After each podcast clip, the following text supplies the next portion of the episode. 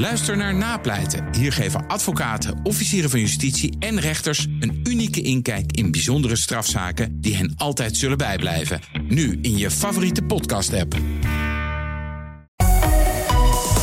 BNR Nieuwsradio. BNR breekt. Nina van den Dungen. Een hele goede morgen, welkom bij BNR Breek. Dit is de perfecte onderbreking van jouw werkdag. En yes, het is vrijdag, bijna weekend, nog even volhouden. Maar dit is een heerlijke onderbreking. We nemen zoals elke vrijdag zometeen ook de week met je door. En er is ook discussie over de massale uh, Field Labs-experimenten... die nu allemaal worden gehouden. Waarom mag dat dan weer wel en mogen terrassen nog steeds niks? Snappen we dat, zijn we het er mee eens? Dat komt allemaal na half twaalf. Zometeen gaan we natuurlijk eerst even over iets heel anders discussiëren. Dat doe ik met mijn panelleden. Tammy Schoos, transgenderactivist en podcastmaker de tweede keer deze week en de elfde keer tot nu toe. Tammy is de Stammy-gast aan het worden, toch? Ja, nou, zo onderhand wel. Ja. Goedemorgen iedereen. Goedemorgen, fijn dat je er bent. En Ernst Boutkan van Volt. Jij was kandidaat Kamerlid nummer drie. Volt heeft drie zetels. En het is niet gelukt. Je zit er niet in, althans niet in de, in de Kamerfractie. Nou, ik, ik, ben wel onderdeel van de fractie, maar, maar niet, in het, niet, niet, niet op de zetel. Nee, dat klopt. Dat klopt. Dat, uh, die eerst uh, naar Marieke Koekoek gegaan. Ja, balen man. Ja, het was wel heel even zuur, maar uh, ik ben altijd blij. Kijk, we gingen vanuit een ideaal natuurlijk, ja. als, als een nieuwe partij. En ik, ik zelf had niet eens dit succes zien aankomen. Drie zetels ja, meteen, precies, dat had je meteen niet gedacht. drie zetels. Nee. Uh, dus in dat opzicht uh, ben ik al lang blij dat ik nu gewoon de fractie kan ondersteunen ja, en mee kan doen. Het is wel zuur dat je nummer drie bent en je krijgt drie zetels en dan word je voorbijgestreefd met voorkeurstemmen door de nummer vier. Nou, ik moet wel eerlijk zeggen, uh, we hebben natuurlijk veel progressieve stemmers bij Volt. En we hebben dit gesprek ook al gehad voor de verkiezingen dat dit een optie zou zijn. Ja. En we zijn er heel goed met elkaar mee omgegaan. we hebben misschien... Nou, niet een te politiek correct antwoord geven. Nee, ik bedoel, nee, we zijn okay. hier bij Breekt. Ja, dit is ja gewoon... precies.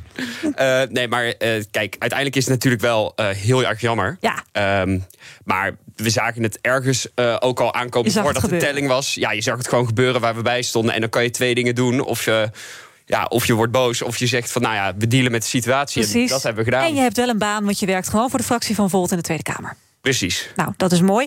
Ook bij mij is Erik van hetzelfde, directeur college De Brink in het Gooi. Goedemorgen.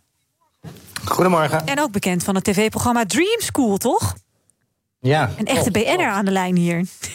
Ja. het wordt hoog tijd voor het... Uh... BNR breekt. Breekijzer. Yes, het breekijzer waar we over gaan discussiëren vandaag... is een brede brugklas is een ramp voor slimme koppen. Er ligt namelijk een nieuw advies van de Onderwijsraad. Voeg alle middelbare scholieren gedurende drie jaar samen... de eerste drie jaar... en ga daarna pas indelen op niveau. Dus uh, VMBO of HAVO, VWO of gymnasium. Dit zou de kansenongelijkheid moeten tegengaan. Maar er is ook kritiek. Want ja, alle slimme koppen, de echt slimme koppen... die vervelen zich vaak al echt helemaal de pleuris op de basisschool... en vinden daarna juist eindelijk een beetje uitdaging... op het gymnasium bijvoorbeeld. Daarom dus ons breekijzer. Een brede brugklas is een ramp voor de slimme koppen. Wat vind jij? Bel me 020 468 4 keer 0 Ik ga zo meteen een rondje bellers doen. Maar Erik, ik begin bij jou. Je bent dus directeur van College de Brink. Dat is uh, uh, VMBO, hè? Klopt, klopt. Ja, meerdere scholen denk ik ook in het gooi? Uh, ja, voldoende scholen in het gooi. Uh, en iedereen is een beetje bezig uh, met die strijd om de leerling natuurlijk. Ja. Maar wij hebben een schitterend VMBO met veel vakroutes. En wij leiden de, ja, de vaklui van de toekomst op hier. Ja, maar jij hebt dus ook geen havisten of VWO of gymnasie, gymnasiasten nee. op jouw school. Dus bij, nee. voor jouw school kan dit überhaupt niet. Drie, alle, alle leerlingen bij elkaar. Uh, ja, zoals ik de plannen begrijp, uh, is men aan het kijken of ze een verlengde brugperiode kunnen maken van drie jaar. Mm -hmm. uh, dus, dus ons raakt het niet heel erg. Maar wat, wat, wat, wil je daarmee zeggen? Want je kan dan nog steeds heel veel mensen bij elkaar gooien, want ook binnen het VMBO zijn ja. er niveaus, hè? Ja, klopt. Maar met andere programma's. En uh, ik ben er ook altijd wel een voorstander van geweest. Dat ik vertrouw mijn collega's in het basisonderwijs. Die kunnen erg goed uh, determineren. En uh, wij kijken dan nog één jaar in het VO of dat zich zo ontwikkelt. En mm. daar kan iedereen naar zijn leerroute. Ja. Dus... dat betekent niet dat je niet tussentijds over kunt stappen hoor. Een jaar later, als je opeens zo gegroeid bent. Maar denk jij dat het mensen omhoog kan trekken? Die, of misschien juist omlaag kan trekken als ze bij elkaar zitten gedurende drie jaar? Ja. Ja, uh, ik, ik, ben daar een beetje de uh, wanhoop nabij hoor. Want die meritocratie waar men uh, zo hoop op vestigt. Ik geloof niet dat er een mobiele beweging is tussen de klassen. Ja. en en in het rapport staat ook dat ze dat hopen te bereiken. Hè. Ze praten ook over minder gunstige sociaal-economische achtergrond bij mensen. Ik denk dat ze gewoon bedoelen dat mensen hier echt in, onder de armoedegrens leven. En ik verwacht dat het rapport een antwoord op iets is uh, wat onhaalbaar is. Uh, ik denk dat welk systeem je nu ook uh, bepleit. Hè? Dus ik, ik, ik denk dat er veel te zeggen is voor dit rapport of ja. voor dit initiatief. Maar ik denk dat er onvoldoende docenten zijn met al die tekorten in het voortgezet onderwijs om of een goed plan of een slecht plan uit te voeren. Daar zou ik ja, ja. eerst naartoe brengen als overheid. Ja, dus een brede brugklas is een ramp voor slimme koppen. Ben je het er dan mee eens of oneens? Nou ja, slimme koppen. Ik geloof dat er 7% van alle leerlingen op een gymnasium zitten. Mm -hmm. En dan heb je ook nog de categorale gymnasia. Dat zijn toch wel uh, blanke bolwerken. Uh, ja, heel wit. Die zullen, ja. altijd, die zullen het altijd redden hoor. Dus daar, daar hoeven we geen medelijden mee te hebben, wat jou betreft? Nou, nee, dat zijn ook gewoon hele belangrijke uh, leerlingen in onze samenleving. En die hebben ook recht op fatsoenlijk onderwijs. Uh, tegelijkertijd, uh, dat is niet de groep waar ik over in zit, want die komt er wel, ja. de groep. Ja, ja, en jij zegt dan vooral de docenten, die moeten veel beter, er veel, de beste docenten moeten eigenlijk misschien wel op de zwakste leerlingen. Uh, dat is een stelling die ik wel eens roep, ja, klopt. maar ik denk dat er te weinig docenten op dit moment zijn. Mm -hmm. heel veel scholen hebben problemen om gewoon bevoegd personeel te vinden. dat is nauwelijks nog te doen voor een directie. Mm -hmm. Daarnaast denk ik dat uh, van de huidige bevoegde docenten ongeveer 30% niet voor een klas zou mogen staan, omdat ze gewoon onvoldoende hun vak begrijpen. Ja. Uh, dus, dus er is wel een bloedbad bezig in het onderwijs. En uh, het, het, zou de overheid sieren om een keertje ervoor te zorgen uh, dat er voldoende docenten komen in dit land. De blanke gymnasia die gaan niet in de problemen komen, hè, want het personeel kiest op een gegeven moment hun voeten. En die gaan toch naar die gymnasia, daar heb je hogere loonstructuren. Hmm veel meer de LD-schaal. Uh, dus die zullen altijd docenten hebben. Ja. Maar in het VMBO zitten 70% van onze leerlingen in Nederland. En daar hebben we en onvoldoende docenten en niet voldoende goede docenten. Helder, jouw uh, kijk hierop. Tammy, wat heb jij uh, afgemaakt aan school? Oh, afgemaakt aan school. Ik wil al helemaal gaan beginnen. Ja, ik had al helemaal zo. Nou, ik, uh, ik heb gymnasium gedaan. Ja. Dus jij bent een slimme kop. Nou, dat wilde ik dus zeggen. Ik denk dat wat we niet erkennen hier... is dat op het VMBO ook slimme koppen zitten. Maar op het VMBO is het gewoon een soort afvoerputje geworden... voor mensen met gedragsproblemen. Als we ook gaan kijken uit cijfers van het Nederlands Jeugdinstituut... blijkt uh, dat er 23,3% op het VMBO met gedragsproblemen kwam... terwijl op het VWO 6,7. Die docenten op dat basisonderwijs die zien die gedragsproblemen... en die hebben de associatie dom. Maar dat is natuurlijk niet altijd zo. Dus ik denk dat zo'n brede brug brugklas dat kan ondervangen. Ook dat momentopname kan weghalen. Hè. Misschien liggen je ouders in scheiding. Al dat soort problemen kunnen ervoor zorgen dat je CITO-toets heel laag is. Uh, ja, dus ik denk dat het heel goed is dat we zo'n brede ja. brugklas gaan opzetten. Dus jij bent het volledig oneens met de stelling dat het een ramp is voor slimme koppen. Ja, en ook nog Want heel. Dat kan nog steeds wel. Hè? Ik bedoel dat het heel ja. goed is voor de, uh, zoals jij dan zo mooi zegt, afvoerputje. Dat, dat ja. begrijp ik. Maar wat, maar wat moet je dan met die slimme koppen die ook in een brede klas komen? Maar kijk, dat is dus waar het precies hier over gaat. En ik denk ook wat, uh, wat Erik al heel zei, was... Uh, ja, hij ziet heel weinig beweging tussen die niveaus. En dat heeft, daar is een onderzoek naar gedaan... en je hebt het verschil tussen growth mindset en fixed mindset. Als je mensen gaat categoriseren op niveau... gaan ze dat zelf geloven en dan komen ze er veel moeilijker uit. In zo'n brede brugklas, waar iedereen de kans heeft om zich te ontwikkelen... waar je niet te horen krijgt van jij staat onderaan... Hè, dan, dan krijg, je de, krijg je de mensen die slim zijn... maar niet als zodanig erkend worden ook die kans. En dat is super belangrijk. Ik zie al dat Patrick aan de telefoon hangt. Evelien, Boudewijn, Martijn. Ik kom zo bij jullie. Alleen nog even naar Ernst. Ernst, nou, ben je het ik... eens of oneens ermee? Uh, ik ben het hiermee oneens. Wat ik denk dat heel belangrijk is, uh, wat uh, Tammy ook al aanhaalt... is dat wat ook in dat rapport staat, is haal die CITO-toets dan weg. He, ja. Laat kinderen zich langer ontwikkelen om hun potentie eruit te halen. En uh, nu kan ik een heel lang verhaal houden over hoe dat bij mij is gegaan. Maar het komt er gewoon op neer. Ik had ouders die uh, op zich uh, prima verdienden. Ja. Die mij gewoon op allerlei CITO-score-testjes hebben Welk gegooid. niveau heb jij gedaan trouwens? VWO, VWO. Maar ik had eigenlijk een CITO-score voor HAVO. Ja. Omdat ik heel erg dyslectisch was. Maar mijn ouders hebben daarvoor gepusht. Ik heb allemaal cursussen gedaan. dat was ook niet goedkoop. Ik kon het betalen, ja. Ja, precies. En, en, en dat haalt dit natuurlijk voor een deel ook weg. En waar, waar ik echt moeite mee heb met deze discussie... is dat het dan weer een soort van alles of niets discussie aan het worden is nu al. En dan denk ik bij mezelf... Uh, waarom gaan we niet kijken naar die kinderen die in die kansenongelijkheid zitten... om die toch de, dit aanbod te kunnen geven? Ja. En dat hoeft niet te betekenen dat de gymnasia per se weg moeten. En, en wat we natuurlijk ook doen met die gymnasia, we leiden eigenlijk een soort hè, uh, witte, hoogopgeleide elite die losgezongen is van de wereld, die in hun Latijn zitten. Oh, zijn ze dat? Zijn ze dat? Nou, vind ik wel. En dat zijn de mensen die doorstromen, die gaan bepalen wat er gebeurt. Maar waarom kan je niet. Ik denk dat het gewoon goed is aan zo'n brede basisschool als dat soort mensen ook in aanraking komen met de toekomstige timmerman. Ja. Of maar degene... middelbare school, hè? Brede middelbare, middelbare school. Ja, sorry, excuus. Ja. Nee, dat is geen probleem. Uh, we gaan even naar bellers. Laat ik beginnen met Patrick. Goedemorgen. Goedemorgen. Zeg het maar. Uh, ik ben tegen de stelling.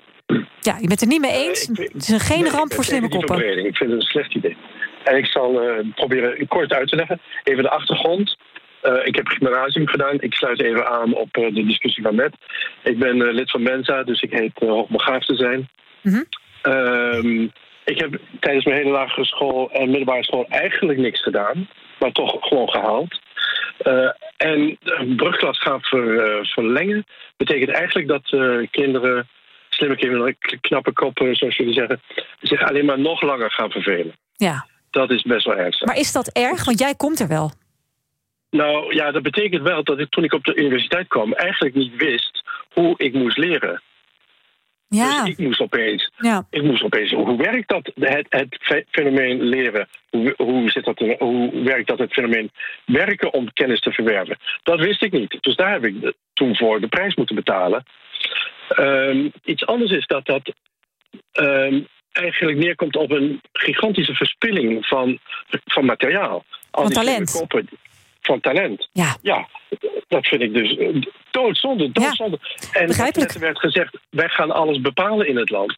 Helemaal niet. Ja, er zijn mensen die alles willen bepalen in het ja. land. Maar dat is niet een intelligentiecomponent, dat is een karaktercomponent. Helder, dankjewel Patrick voor uh, jouw bellen. Evelien, goedemorgen. Goedemorgen. Een brede brugklas is een ramp voor slimme koppen, ja of nee? Um, ja en nee. Mag ik het uitleggen? Ja. Ik bel in uh, als moeder, dus ik wil even de disclaimer geven. Ik heb dus geen inzicht in allerlei cijfers, want ik heb een dochter die is acht, erg slim, die zit nu in groep 6. Dus ik ben alvast een beetje bezig met de toekomst. Mm -hmm. um, ja, dus ik geloof absoluut wel in het verlengen van uh, de brugjaren. In die zin dat je wel heel vroeg moet kiezen. Uh, maar ik pleit eigenlijk voor een andere vorm van onderwijs in de zin dat um, ja, eigenlijk de geëikte MAVO, HAVO, VWO verdwijnt. Maar dat je de vakken gewoon op niveau aan gaat bieden. Want ik ken is toch geen begin aan, Evelien? Hoe moet je dat regelen? Nou ja, en dat is dus wel de vraag waar ik dan vervolgens mee loop. Ik weet niet of dat haalbaar is. Maar um, er zijn hele grote scholen waarbij je natuurlijk meerdere uh, niveaus aanbiedt. Dus het maakt op zich niet uit of dan iemand van de MAVO-klas ook lessen op HAVO-niveau volgt en andersom. Die gaan we daar, uh, gaan we daar zo eventjes uh, over praten. Erik, ik kan het eigenlijk gelijk wel even aan je voorleggen. Voor de, wat wat ja. kan, kan dit? Is dit haalbaar om elk vak op niveau te gaan geven... en niet de klassen op niveau in te delen? ja, ik zou het ook willen aanraden zelfs. Ik heb, ben daar een, een warm voorstander altijd van geweest. Hè. Ik heb daar ook een, wel een concreet voorbeeld van. Ik had in HAVO 4 op een gegeven moment een fors aantal leerlingen... Uh, die stonden zo'n beetje een acht voor alle uh, exacte vakken. Ja. Wiskunde natuurlijk en de scheikunde, biologie. Uh, en die lagen daar prima op de route voor de haven. Maar eigenlijk met die acht vond ik dat ze naar het VWO mochten. Alleen bij Duits en bij Nederlands stonden ze een vier. En daardoor zouden ze niet het havendiploma halen. En oh ja, want dat is een must. begrepen ja. waarom ze dan voor Duits en Nederlands bijvoorbeeld... niet op MAVO-niveau konden gaan zitten de overige vakken op HAVO. En die vakken waar ze een acht staan op VWO. Want daarna hadden ze naar de TU Delft gekund. Omdat ze die enorm hoge cijfers hadden in de exacte hoek. Mm -hmm. Dus we zijn ook kapitaal aan het vernietigen. Door aan een systeem, uh, een vrij rigide systeem, vast te houden. Uh, waar niet het talent ontwikkeld wordt. Ja. Maar waar je dus onderwijs op het niveau van je zwakste vak volgt. En dat is een BNR breekt. Nina van den Dungen. Sorry Erik, je werd even ruw onderbroken door een jingle... Ja. maar dat heb je soms gewoon in zo'n live radioprogramma. Yes. Um, uh, voordat ik naar Mark en Boudewijn en Martijn ga... die ook nog aan de telefoon hangen... Uh, wil ik eerst even naar uh, Paulien Scheltema. Zij is van de stichting Het Zelfstandig Gymnasium. Goedemorgen. Goedemorgen. Ik las jou vanochtend in de Volkskrant... waarin je zegt van dit is echt uh, geen goed idee... om drie jaar lang alle mensen bij elkaar te gooien. Zeker niet voor die slimme koppen. Ja, nou ja, goed, dan gaat het inderdaad om alle mensen bij elkaar. Ik, ik, um, ik kan me nog best voorstellen, ja, jullie stelling is, is het een ramp voor de slimme koppen? Mm -hmm. Het hangt een beetje van de uitwerking van de plannen. Daarvoor is er nog echt veel te veel onduidelijk. Mm en ik kan me heel goed voorstellen dat voor veel, en ik denk ook wel voor meer leerlingen dan nu, een verlengde brugklas een goed idee is. Maar de vraag is: moet het voor iedereen? En daar heb ik dan uh, grote twijfels en ook wel zorgen over. Maar zie je dan bijvoorbeeld een mogelijkheid om het te splitsen? Dus dat je heel veel scholen hebt die het wel doen en misschien scholen die het niet doen? Kan dat? Nou, dat, dat zou misschien best wel uh, uitvoerbaar zijn. En uh, tegelijkertijd dat probleem van die kansengelijkheid, dat erkennen wij volledig. Daar zijn we al jaren mee bezig. Het is ook niet meer zo dat, gymnasia, nou, dat alle gymnasia blanke bolwerken zijn. Er zijn nee, wordt dat minder in de loop van de jaren? Ja, absoluut. Gelukkig, gelukkig. Want dat is ook belangrijk. En um, kijk naar de gymnasia in de grote steden. Kijk naar bijvoorbeeld het Haganum in Den Haag... of uh, Baak en Trinitas in Almere. Dat zijn gymnasia met wel, uh, ja, ik geloof een derde niet-westerse achtergrond in de populatie. Dat zijn eh, veel kinderen waarvan de ouders ook geen gymnasium hebben gedaan. Nee. Dus dat verandert wel. Alleen, daar ben ik eerlijk in, het verandert uh, niet hard genoeg. En ook nog niet op alle gymnasia. En daar zijn we mee aan de slag. Ja. Dus wat dat betreft denk jij, er, is, er zijn mogelijkheden om het bijvoorbeeld hè, op bepaalde scholen wel en bepaalde scholen niet te doen. Erik, hoe kijk jij daarnaar? Nou ja, ik, ik, ik, ik, ik, ik geef nog steeds de gymnasia's uh, recht op het onderwijs uh, waardoor die getriggerd wordt. Hè. Dus ik, ik, ik, zie die stelling niet. Mm. waar ik me wel zorgen om maak is bijvoorbeeld... 95% van de Kamerleden heeft universiteit gedaan. dus de, lage de afspiegeling is niet zichtbaar in de Kamer. Ik zie Ernst en Tommy allebei nee, knikken. Zij, zij worden dus, dus niet gezien, niet erkend en ook niet vertegenwoordigd. Ja, ja dus en dan krijg daar ben ik het ook mee eens hoor. Ja, dus wat dat betreft dat is er nog steeds een kansenongelijkheid. Maar die, hoe kun je die op het he, middelbare schoolniveau... kan je dat al oplossen? Dat is natuurlijk eigenlijk gewoon niet te doen, uh, Erik. Jawel, kijk, het systeem, zoals het huidige systeem is zo ingericht dat die onderklasse kansloos is. We hebben bijvoorbeeld een kernvakkenregeling, Nederlands, Engels, wiskunde maximaal 1,5, anders kan je niet door. Hm. Wat is het antwoord van het voortgezet onderwijs? Toch uh, die leerlingen te laten afstromen. Ja. Dus het huidige systeem brengt met zich mee dat die, dat, dat een mijnenveld is voor de onderklasse. En daar zit de echte problematiek. We gaan nog even een rondje bellers doen. Mark, goedemorgen. Goedemorgen, met zeg Mark. Nou, ik ben het volledig eens met de sprekers die hiervoor zijn geweest, oftewel tegen de stelling. Het is hartstikke slecht voor de, voor de knappe kop of de kinderen die goed kunnen leren. Ik heb zelf twee dochters die goed kunnen leren. En als je dan ziet hoe die op zijn gebloeid op Athene-onderwijs, basisschoolonderwijs, en nu op een categoraal uh, gymnasium zitten. Uh, ondanks dat, dat, ze daar ook hard, hard, of categorisch, kat, zeg maar, ondanks dat ze heel hard ervoor moeten werken en best goede cijfers kunnen halen, leren ze nu al werken. Ja, ja, dus... En Patrick zei dat ook al. En ik denk dat het juist erin zit dat het niet one education fits all is. Ik denk dat juist de specialisatie ervoor kan zorgen dat, dat kinderen ook de juiste oplossing krijgen. En nu vraag je aan een docent docenten vraag je om al die behoeftes af te, af te dekken. Helder, dat werkt gewoon niet. Dat Dankjewel, duidelijk. Ik ga naar Boudewijn. Goedemorgen. Ja, goedemorgen. Uh, ik zit geïnteresseerd te luisteren. Uh, ik heb een hele andere invalshoek. Ja? Ik heb namelijk jarenlang in het buitenland gezeten. Uh, en ik heb hier in Zagreb, Kroatië, een Nederlandse school opgericht... Ja? voor Nederlandse taal- en cultuuronderwijs. En uh, dan heb je dus te maken met A, het lokale onderwijs. Je hebt ook te maken met uh, andere kinderen die uit andere... Af, uh, dus ik heb een, een, een, bredere oriëntatie dan alleen Nederland. Ja. en wat mij opvalt is dat er voortdurend gepraat wordt uh, over Nederland... alsof Nederland een eiland zou zijn. Kijk in godsnaam eens naar het buitenland. Want ik denk ja, dat in alle buitenlanden... er juist tot een jaar of veertien al die kinderen bij elkaar gelaten worden. en dat die basisschool dus langer is... en dat er op een latere leeftijd gekozen wordt. Het kan toch niet zo zijn dat al die buitenlanden het allemaal verkeerd doen... en dat nee. de Nederlandse kinderen totaal anders zijn... dan al die kinderen in het buitenland. Dankjewel voor dit uh, inzicht, uh, Boudewijn. Ik ga naar Martijn. Goedemorgen. Goedemorgen. Zeg maar. Um, ja, ik denk dat het een, een, nadeel is voor de slimme kinderen. Uh, ik denk dat ook een stukje te maken heeft met welzijn. Uh, ik heb een dochter die uh, op, een, op een, kleine, in een kleine gymnasiumklas zit. die bloeit op. die heeft zes jaar op de, op de lagere school is in slaap gevallen, zeg maar. En ja ik ben het eens met Patrick van een aantal sprekers ja, geleden. Precies, ja, Ja, het is gewoon wel uh, kennisvernietiging dan. En, ja. uh, de Ze moeten uitgedaagd worden. En, ja. Ja. Ik hoor het. Dankjewel, Martijn. Ik ga nog heel gauw even naar Saskia. Sorry dat ik je onderbreek, Martijn. Maar we hebben zo weinig tijd nog op de klok. Saskia, goedemorgen. Goedemorgen. Ja, ik denk dat het zo jammer is dat er zoveel gewicht wordt gehecht aan die middelbare school. Ik heb zelf met LBO MAVO-advies ben van de lagere school afgekomen. MAVO, HAVO, HEO en toen universiteit gedaan. Ja. Dus ik denk dat dit ook een beetje het gevolg is van de beknibbeling aan het einde. Waarom mogen mensen niet gewoon doorleren? Soms is gewoon VMBO het niveau na de, middelbare, of na de basisschool. Mhm. En is dat prima? Hoeft dat ook niet je eindstation te zijn? Je kan door. Dus dat... Ja, en als je iedereen tot 14 op een hoop laat liggen. Mijn dochter die zit op de HAVO, die heeft echt gewoon niks uitgevoerd op de lagere school. Daar komen wij nu achter. Ja. Omdat zij echt, ja, ze vond het gezellig daar, maar ze heeft niks gedaan.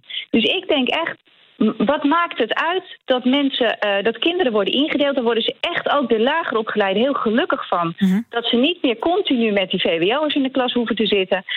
Um, en, maar biedt ze met name perspectief voor de mensen die wat meer tijd nodig hebben. Mooi gezegd, dankjewel Saskia. Ik uh, ga het afronden met Paulien en Erik heel kort, allebei. Paulien, als eerste ja. even aan jou. Je hoort toch vooral dat, dat eigenlijk bijna iedereen pleit voor onderwijs op maat. Wat, wat iemand nodig heeft, dat moet je bieden. Maar daar is ons huidige onderwijssysteem niet op ingericht. Wat is voor jou, volgens jou het eerste, nu belangrijkste wat moet gebeuren?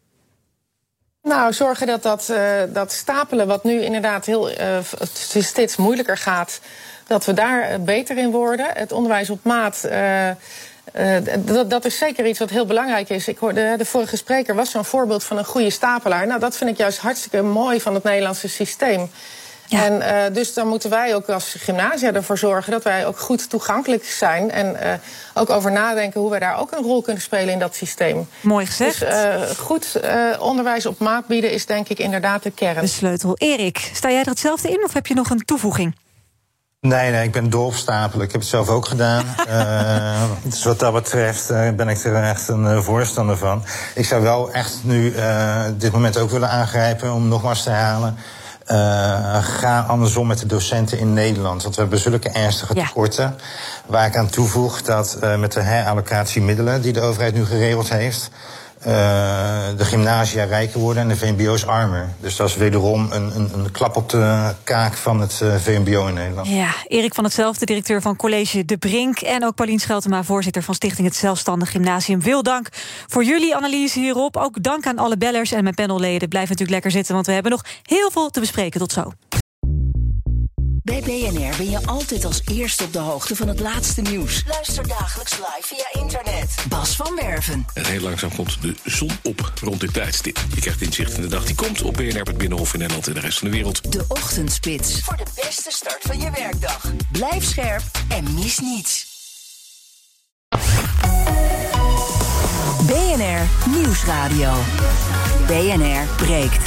Nina van den Dungen. Welkom terug. Nog een kleine 25 minuten. BNR breekt. De zon schijnt. Een stralende dag is het.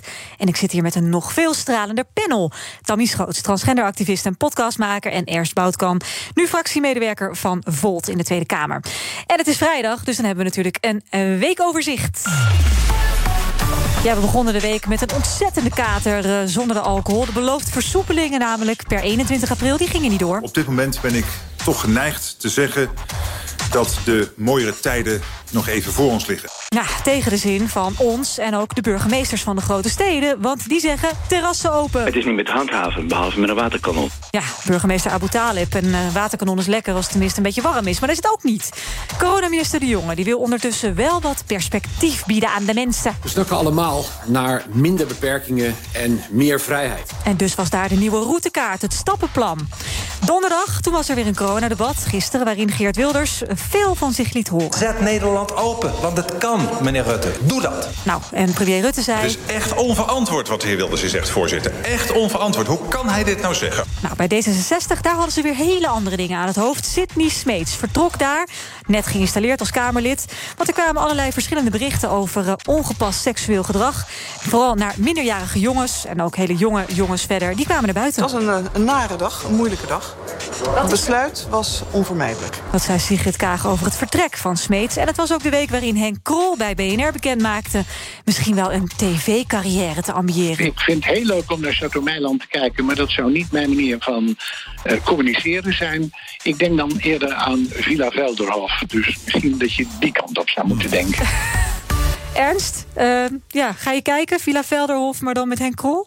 Ik uh, weet zeker dat daar een paar memorabele quotes in uh, voorbij gaan komen. hoor. dus uh, ik wil er zeker bij.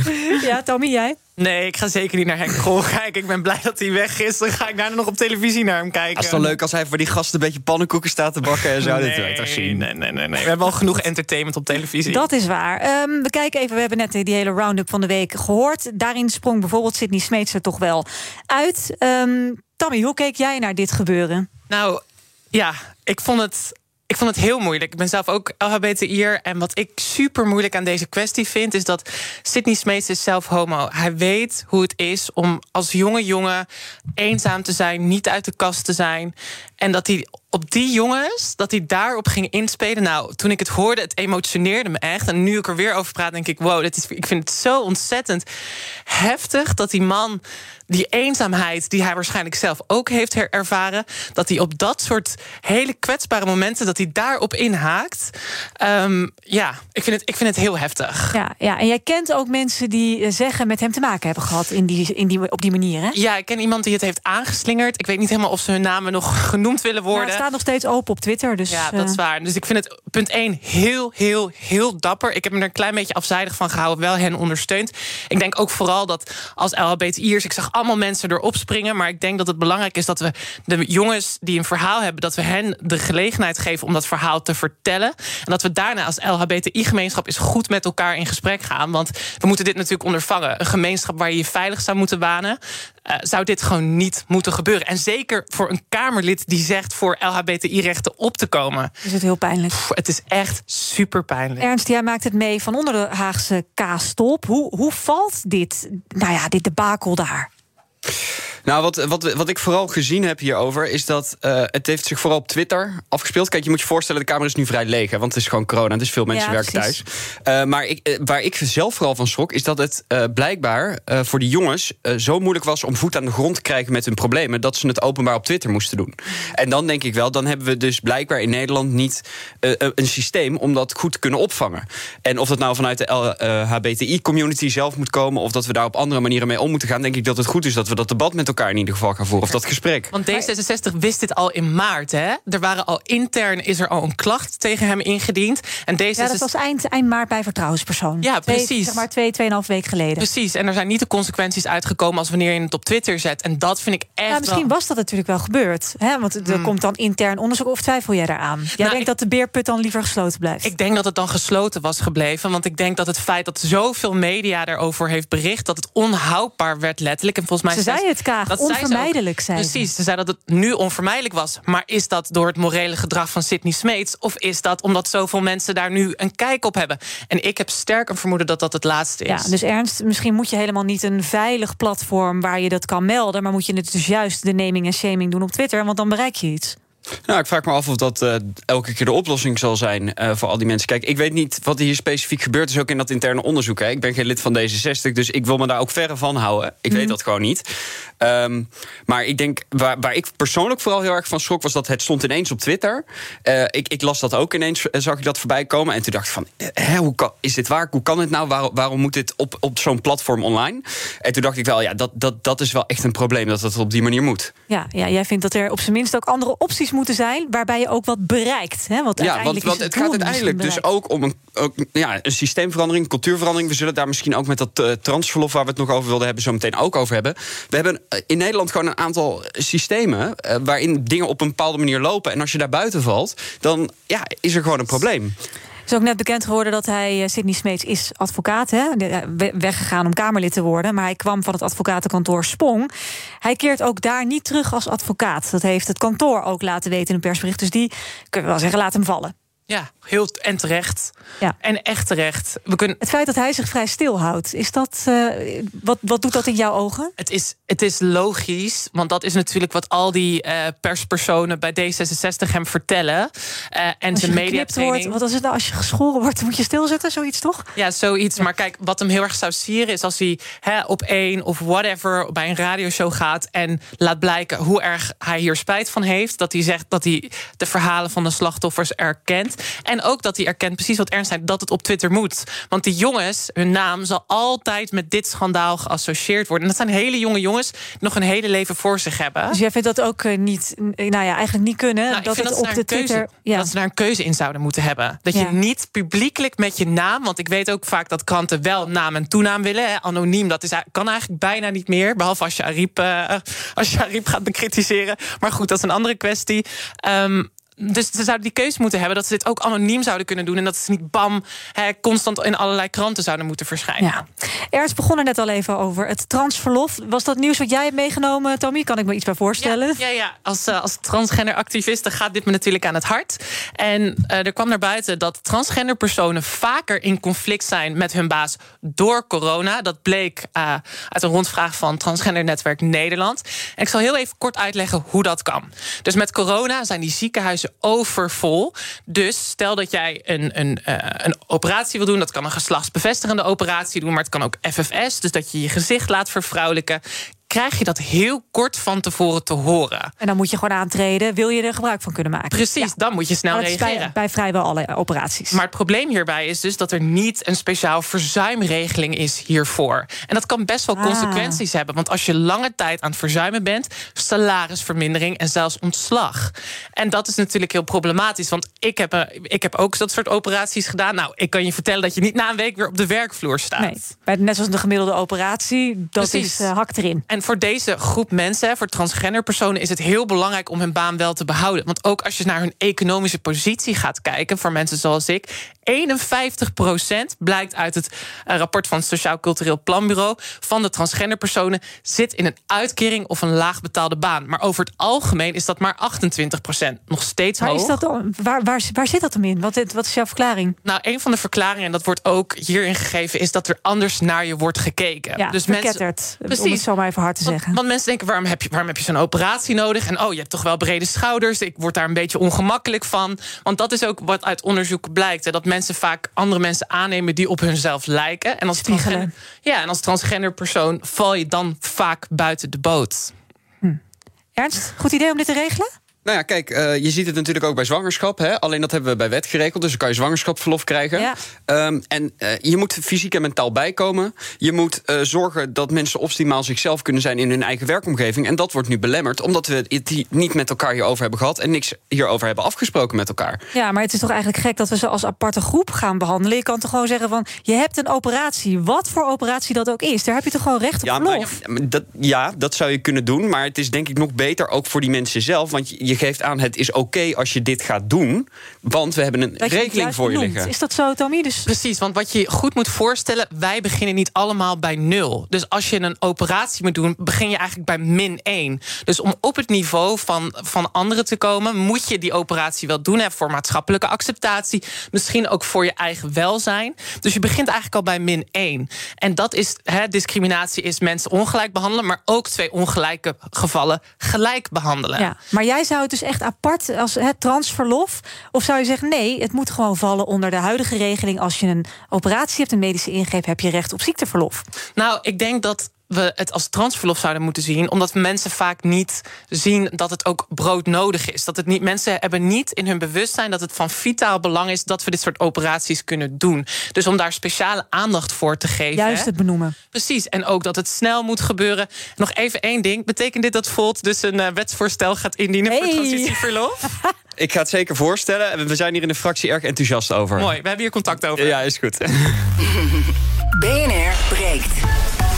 De mevrouw in de jingle lachte ook om jullie. Ehm, we gaan eh, even naar eh, mijn collega Paul Asteur. Want zometeen eh, is het tijd voor zaken doen. Paul, wat ga je doen zometeen? Of is Paul nog niet aangetreden? Misschien is hij alweer vertrokken. Ja, hij moet zich natuurlijk ook gewoon voorbereiden. Dus ja, hij kan ook niet, niet de wachten. Hebben we hem? Nee, hè? Ja, Paul, Paul, er? Paul. Nee, nee, dan uh, houd het op. Ik zeg uh, kans verkeken. We, we, horen zo meteen om 12 uur wel wat we gaan doen in BNR-zaken. Laten we even naar um, de zuiderburen gaan, naar België. Want wat wij hier niet mogen, dat mogen zij wel. Inwoners van Brussel, die kunnen kiezen welk vaccin ze krijgen... bij het maken van een afspraak. Nou, hoe zit het nou? Als je daar een, een oproep krijgt, kun je je inplannen. Hè? Dan ga je gewoon naar online ga je een, een prikafspraak maken. Dan staat er een datum en een locatie. En wat staat daarachter in één letter het, uh, het, eerste letter van het vaccin wat je dan krijgt. Dus stel jij wil morgen om drie uur in Brussel, dan krijg jij de A van AstraZeneca of de P van Pfizer. Dus uh, dat was helemaal niet de bedoeling, want je, je hebt eigenlijk helemaal geen keus als Belg. Maar het is stiekem toch wel een soort keuzevrijheid geworden. Nou ja. Um, Klinkt dit als iets wat we hier in Nederland eigenlijk wel zouden moeten willen? Die keuzevrijheid. Nou, het probleem is dat je met al die boomers krijgt die gewoon supergoed georganiseerd zijn. Dat zij dan heel erg goed gaan uitzoeken wat heeft de minste ge gezondheidsrisico's. En dat voor de jongeren de overblijfselen overblijven. Want van de week was ook dat AstraZeneca, dat 60-plussers eigenlijk liever niet daarmee geprikt wo willen worden. Omdat er zoveel gezondheidsrisico's aan zitten. Nou, die boomers die zijn zo goed georganiseerd. Ik ben gewoon bang dat wij als jongeren weer met de overblijfselen. Zometeen krijgen wij alleen nog maar Sputnik uit Rusland. Dat, ga je dat nemen? Nou, ik, Sputnik niet. Alle andere vaccins. Ja, doe Sinovac wel uit China bijvoorbeeld? Nee, dat, er kwam, was dus Ah. onderzoek gedaan. Er was inderdaad onderzoek gedaan en die kwam als minst effectief uit de bus. Dus die wil je ook niet? Nou, ik, ik vertrouw gewoon heel erg op het EMA. Hè, op het Europese. Ja, ja. Als, als die het goedkeuren, dan ben ik game. Zeg maar, als ze me nu bellen, dan ben ik weg hier. Eh, Want dan ga je wel AstraZeneca doen, toch? Tuurlijk. Als, als mensen Astra, zouden zeggen van prik AstraZeneca er maar in, dan zeg ik van kom maar op. Ik ook. Ik, ben, uh, ik sta vooraan als ze mij roepen. Ernst? Als ze me nu bellen, dan uh, vertrek ik nu uh, om die prik te krijgen. Het is zo grappig, hè? Dat wij ja. dat allemaal gewoon maar, nul nou, emotie daarbij voelen. Wat, wat, ik heel moeilijk vind hier, is dat... er stond ook op de NOS... één op de vier mensen boven de, ik geloof 60 of 65... die zit, ziet het nu al niet meer zitten om met dat Astra te prikken. Ja. Omdat je dus die berichtgeving nu krijgt. En wat ik denk, wat we in Nederland echt beter op orde moeten brengen... is communicatie over risico's. Want uiteindelijk, vind ik, mogen mensen zelf bepalen welke, welke vaccinatie ze aannemen. Als dat aangeboden wordt door de overheid. Maar dan moet je wel je risicoafweging kunnen maken. En, dat ben ik helemaal eens, dan moet de EMA daar natuurlijk gewoon goedkeuring voor hebben gegeven. Ja, maar dat gaat over de rol van de overheid. Dus de overheid zou inderdaad als informerend orgaan hierin moeten dienen. Ik ben niet helemaal voor vrije keuze. Ik vind dat een beetje. Want ik denk, oké, okay, gaan we daar ook nog eens eisen aan stellen? Ik vind, en ik denk dat dit ook gewoon echt een probleem is met lobbygroepen in de Tweede Kamer. Dat daar gewoon heel veel oude mensen zitten. Die moeten er misschien gewoon uitslopen. oh, is dat niet oude ja, mensen? Ik ben 25 en ik ben Ja, niet ja, de naam ja, ja. van de lobbygroepen. Maar, Nee, natuurlijk niet. Maar iets anders wat ik wel ook nog even hier wil zeggen, nu we het toch over hebben. Er moet ook even wat informatie komen over het verschil tussen mannen en vrouwen bij die vaccinaties. Want dat heb ik Ja. helemaal niet gehoord. En dat schijnt ook een rol te spelen. Nou Dus ja, het schijnt vooral vrouwen te treffen Ja, onder de precies. 60... Ja. die, eh, die tromboseklachten krijgen. En Janssen en Janssen blijkt het weer. hè, Dat ze er nu ook, daar zijn ze nu ook onderzoek naar aan het doen. Maar ja, eh, het is stilgelegd vanuit. Amerika. Ja. En dus ook in Europa wel op verzoek van Janssen zelf trouwens. Die goed. zeiden stop even. Of Althans, begin nog niet in Nederland. Oh. Maar ja, we hebben hier al wel 80.000 Janssen-vaccins op de plank liggen. Die waarschijnlijk dus gewoon de prullenbak in kunnen. Want die worden niet op tijd geprikt. Nou, ik ben blij dat er eindelijk een producent eh, in, die, in die industrie is met een beetje moraal. Die gewoon oh, die iets zegt. Ja, die het gewoon zegt. heel eh, stil, hè? Precies. Doodstil. Die het gewoon zegt en die niet om die winstbelangen geeft. En die gewoon denkt: oké, volksgezondheid, ik heb een collectieve taak. Nou, dat is ook Ja. voor het eerst. Maar ja, even zo, als we het zo bekijken... de kans op trombose, dat weten we allemaal, is heel erg klein. En ondertussen zijn we wel ongeveer gestopt met, met prikken. In elk geval wel van deze vaccins.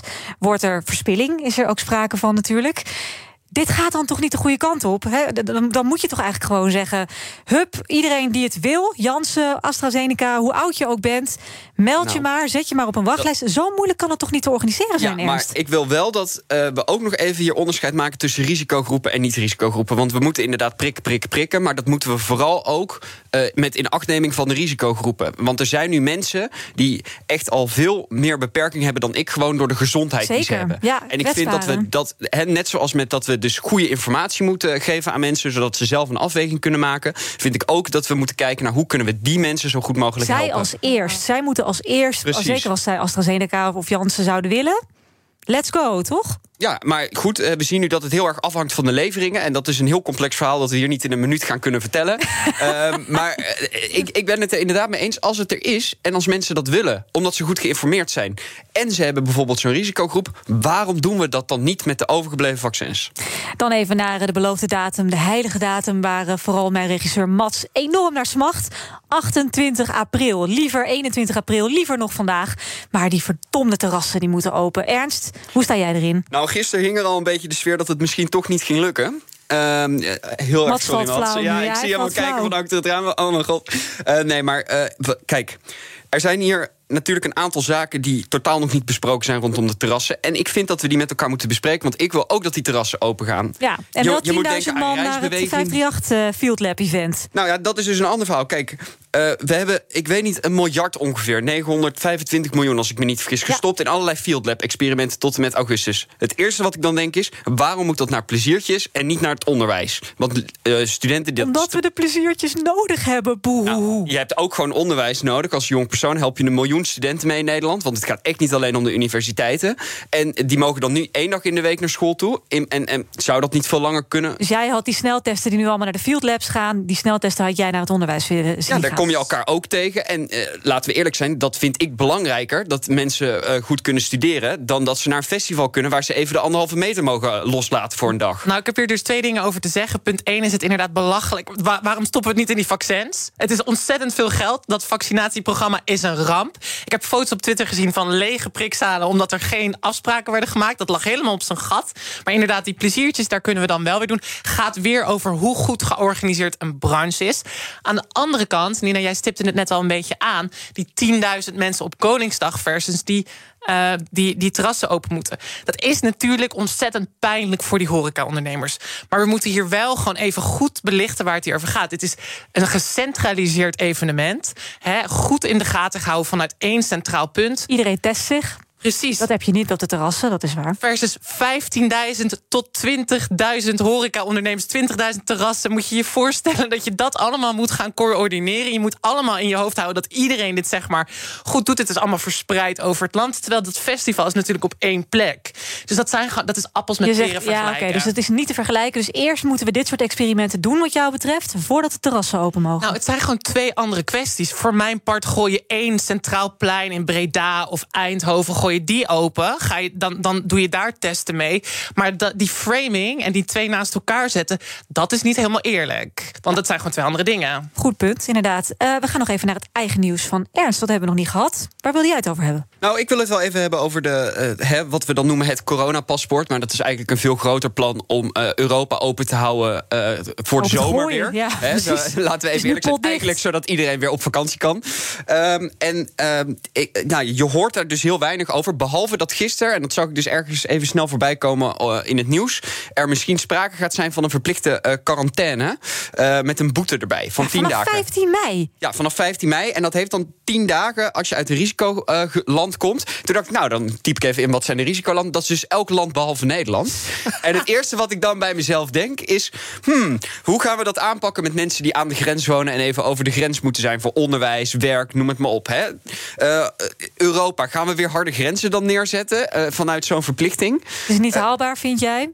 Nou, ik vind dat we even echt dat gesprek weer moeten hebben. Wat willen we nou met dat coronapaspoort deze zomer? Ja, maar die 15 mei, nog heel even dat punt ja. maken. Waar slaat dat op? Ik bedoel, zijn we toch super laat? Waarom 15 mei ineens een quarantaineplicht? Hadden we dat niet in de eerste golf vorig jaar moeten doen? Of eventueel in de tweede? Ja, ik, ik, ik weet niet wat het idee daarachter is. Dat stond er ook niet bij. Er stond alleen bij dat er vandaag door het demissionair kabinet een keuze over wordt gemaakt. En ik hou dat vandaag zeer goed in de gaten. Is toch maf? En nog even over die mensen die aan de grens wonen. Want er was een hele interessante reportage bij de Telegraaf. Ik ben niet zo'n fan van de krant, maar dat was wel heel mooi. Over een vrouw die de tuin instapte en dan in Duitsland stond opeens. Dus daar een negatieve test oh, haar voor grens nodig had. gaat daar. Oh, Precies. pijnlijk, ja. En, en, en het idee was dus een gedoogconstructie doen ze. Dus, dus ze wijzen straten aan, tot daar mag je nog ongetest blijven lopen. Dus er is een soort condoog condoog, gedoogconstructie aan de hand aan de grenzen. Om dat even duidelijk te krijgen. Ja, je hebt bijvoorbeeld ook een vignet hè, tussen België en Nederland. Voor als je een cruciaal beroep hebt, dat je al Ja. sneller de grens over kan. Dus er kan wel iets met dat soort constructies. Ja, ja, er zijn maar als zeker mogelijkheden. Iedereen de grens overgaat. Ja. Dat is een stuk moeilijker maar te controleren. Er komt gewoon vakantie aan. Iedereen wil op vakantie.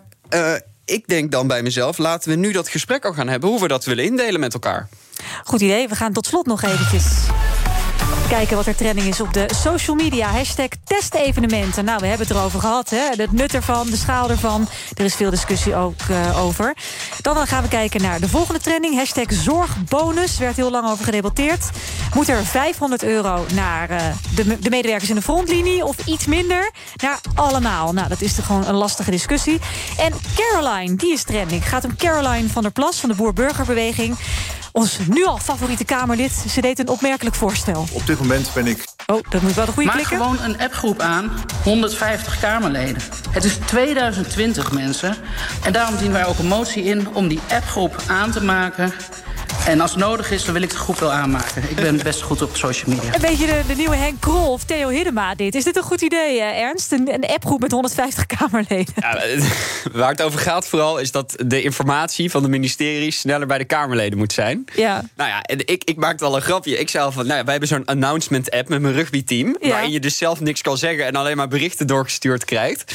Dan denk ik wel, moeten we dat dan iemand laten organiseren... die denkt dat het 2020 is terwijl het 2021 is. maar, Jij bent heel scherp deze ochtend. Ja, ja, ja. precies. Maar, Maar is het zo'n gek gedachte, Tammy? Ik bedoel, uh, is het echt een heel gek voorstel? Het, het gaat, kijk, de, ze stipt natuurlijk wel goed aan dat er een communicatieprobleem is. Maar zo'n appgroepje, dit is wel echt weer zo'n zo'n persoon die daar gewoon. Ja, als gewoon een clown. Ze is gewoon een clown. Een appgroepje met alle Kamerleden. Dat is toch raar? Wat gaan ze doen? Gaan ze daar memes indelen? Weet je wel, in het weekend? Nou, wie weet. Kijk, dinsdag, dinsdagavond kregen wij een rapport van 90 pagina's over het coronadebat dat om half één begon op donderdag. Ja. Kijk, als je dat in je mailbak krijgt waar je gewoon 400, 500 mailtjes per dag binnenkrijgt, dan zou ik me kunnen voorstellen dat een iets andere manier van dat even aangeven van jongens, het is nu gepubliceerd, wel handig zou maar zijn. in zo'n appgroepje krijg je ook honderden berichten. Dus ja. Ja, en ik denk zelf dat een appgroep daar misschien niet het beste voor is, maar de boodschap is helder. Ja, we weten ook wel zeker dat hij er niet gaat komen. Want ze kregen de handjes niet bepaald voor op elkaar. Laat staan op de tafels van de Tweede Kamer. Wat ze altijd doen, hè, als ze het ermee eens zijn. Wat we wel zeker weten is dat het uh, voor mij en misschien ook voor jullie weekend is. Want het is bijna 12 uur. Ik ga het stokje overgeven aan uh, Paul Lasseur. Hij is er vast wel in de buurt om het programma Zaken doen te presenteren. Veel dank aan jullie, Ernst Van Volt en Tammy Schoots, transgender activist. Ik zie jullie graag de volgende keer. En tot maandag bij BNR Headlines. De hele dag binnen- en buitenlandse politiek. In Nederland hebben we geen munitiefabrieken. De hele dag economie. Vijf dagen in de week bezorgen, dat kan niet uit. De hele dag technologie. Amerikanen weer op de maan. Heb je eigenlijk geen tijd, maar wil je toch op de hoogte blijven? BNR Headlines. Het laatste nieuws, maar dan in het kort. Ga naar je podcast-app en abonneer je op BNR Headlines.